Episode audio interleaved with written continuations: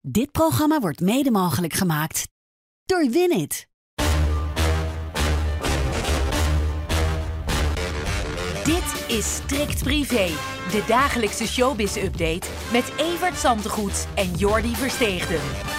Ja, ja, de Helmonders zijn weer present voor de donderdag aflevering van de Showbiz Update Strikt Privé, Evert. Wogen Showbiz Week. Ja, een hoop reacties natuurlijk aan alle kanten op. Wat gaan jullie volgende week doen is de meest gestelde vraag. En ja, ik laat nog nooit in mijn kaarten kijken, maar ja, ik denk dat dit wel een affaire is die nog even door-appt over Theo Maas. Ja, jouw telefoon staat uh, roodgloeiend uh, deze hele week. Maar goed, dat heb je natuurlijk ook met zo'n uh, cover, een onthullende cover. En de privé ligt ook nog steeds in de winkel, mensen. Dus ga dat verhaal over Theo Maas lezen.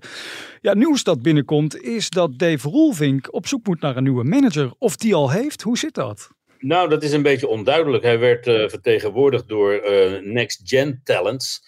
En nog niet zo heel lang, want hiervoor had hij dezelfde manager als zijn, uh, als zijn vader. Hmm. Maar die hebben plotseling met hem gebroken. En ze willen er verder niks over uh, zeggen eigenlijk. Alleen dat uh, ja, ze in het verleden wel met Donnie en Dries ook gewerkt hebben. En die waren wat vlotter met de communicatie en de afspraken. Dus hmm. ik denk dat Dave inderdaad nogal wat gevolgen ondervindt van, van zijn ja, terugval, zoals hij het zelf noemde zijn relatie is op de klippen. Breuk met het management is ook nooit lekker als je bezig bent. En aan de andere kant, ja, als je geen DJ-werk meer gaat doen, dan heb je misschien ook een ander management nodig dan uh, iets wat gespecialiseerd is in, in DJ-werk. Hmm. Dus um, zelf uh, staat hij stevig in de schoenen, zegt hij op dit moment. Ja. Hij is bezig zijn nieuw leven op te bouwen, zonder drank, zonder drugs. en dat allemaal onder de vlag van zijn vader. Want zoals ik eerder vertelde hier, ze zijn ongeveer buren geworden, Dave en uh, Dries en Honoria. Ja. En het voordeel daarvan is dat hij ook vlakbij zijn zoontje woont. Ja. Want dat is al blijven wonen op het uh, Leidseplein voorlopig.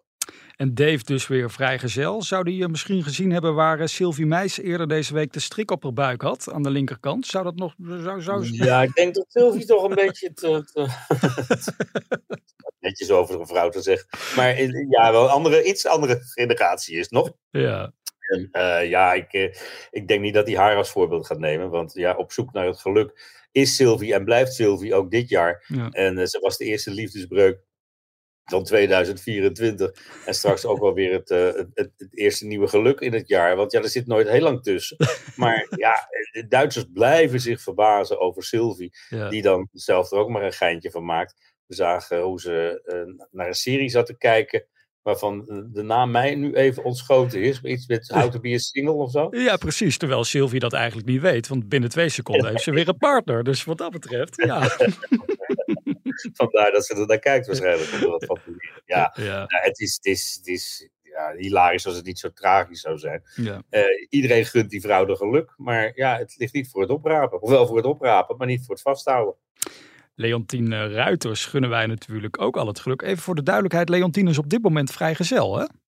Uh, ja, heeft natuurlijk na Marco alweer een andere meneer gehad. Ja. Die, uh, die, zorgt dat de bierblikjes zo mooi uh, glanzen. Een lak daarvoor op de markt gebracht heeft. Ja. Maar dat was toch niet helemaal de relatie waarvan ze verwachten dat dat zou zijn. Nee. Inmiddels wordt ze wel weer gezien met Marco. Tweede kerstdag hebben ze samen doorgebracht. Marco's verjaardag is gevierd. Er is ook nog ja, regelmatig contact. Maar ja, het is wel een breuk geworden natuurlijk. En je zei Leontien Ruiters, die heet niet voor niks zo. Dat Ja. is uh, de, de geuzennaam die ze altijd had en waar ze zo trots op was. Leontien Borsato. Ja. Die heeft ze eerder laten vallen, eigenlijk al sinds de affaire uh, begon.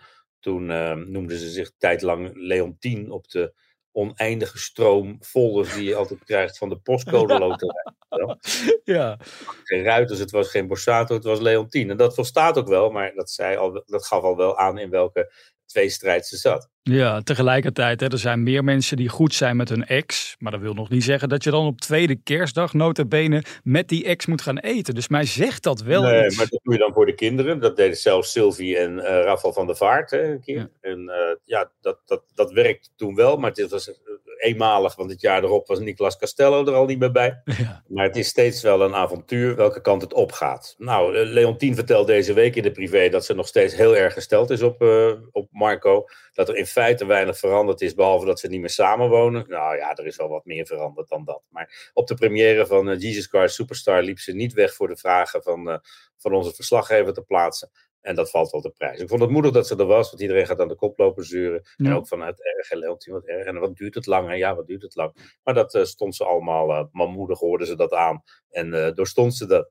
Kijk, het hele interview dus in privé. Gaan wij naar Tom Waas, de Belgische acteur, die we kennen natuurlijk van zijn reisprogramma's.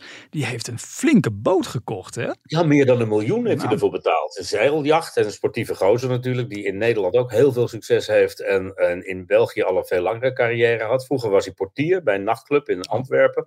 En uh, ja, iemand die heel sportief is, die kamp Waas ontdekt heeft, hè, wat hier kamp van Koningsbrugge heet.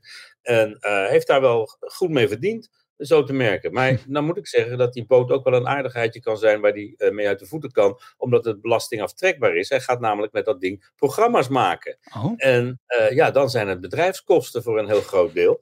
dus dat heeft hij wel slim gedaan. We gaan hem volgend jaar wel, of deze zomer al wel zien, denk ik, op de internationale wateren. Want hij heeft grote plannen voor programma's en natuurlijk ook wel een vakantie tussendoor.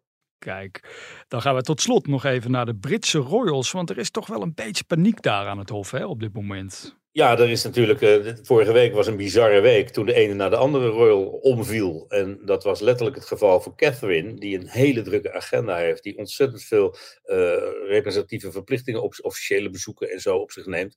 En uh, die uitviel. En er is niet bekendgemaakt wat zij nou eigenlijk mankeerde. Er zat een vrij forse buikoperatie. Het was niet kankergerelateerd, maar verder zijn ze nog steeds heel erg stil over wat er werkelijk aan de hand is.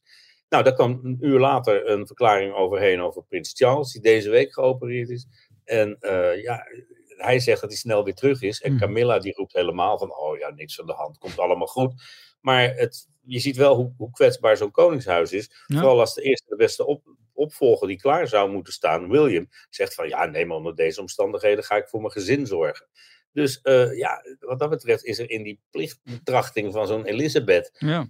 Wel een groot verschil gekomen. Dat als je denkt van nou, mijn vader is er niet, mijn vrouw is er niet, dan moet ik zelf wat meer aan de bak. En dan zeg ik, ik ga meer voor mijn gezin zorgen. Niet alle Britten hebben daar uh, begrip voor, al gunnen ze het hem wel. Ja. Maar ja, uh, in, in plaats van de agenda van zijn vader over te nemen, heeft hij de zijne leeggeveegd. En dat is op zich opmerkelijk.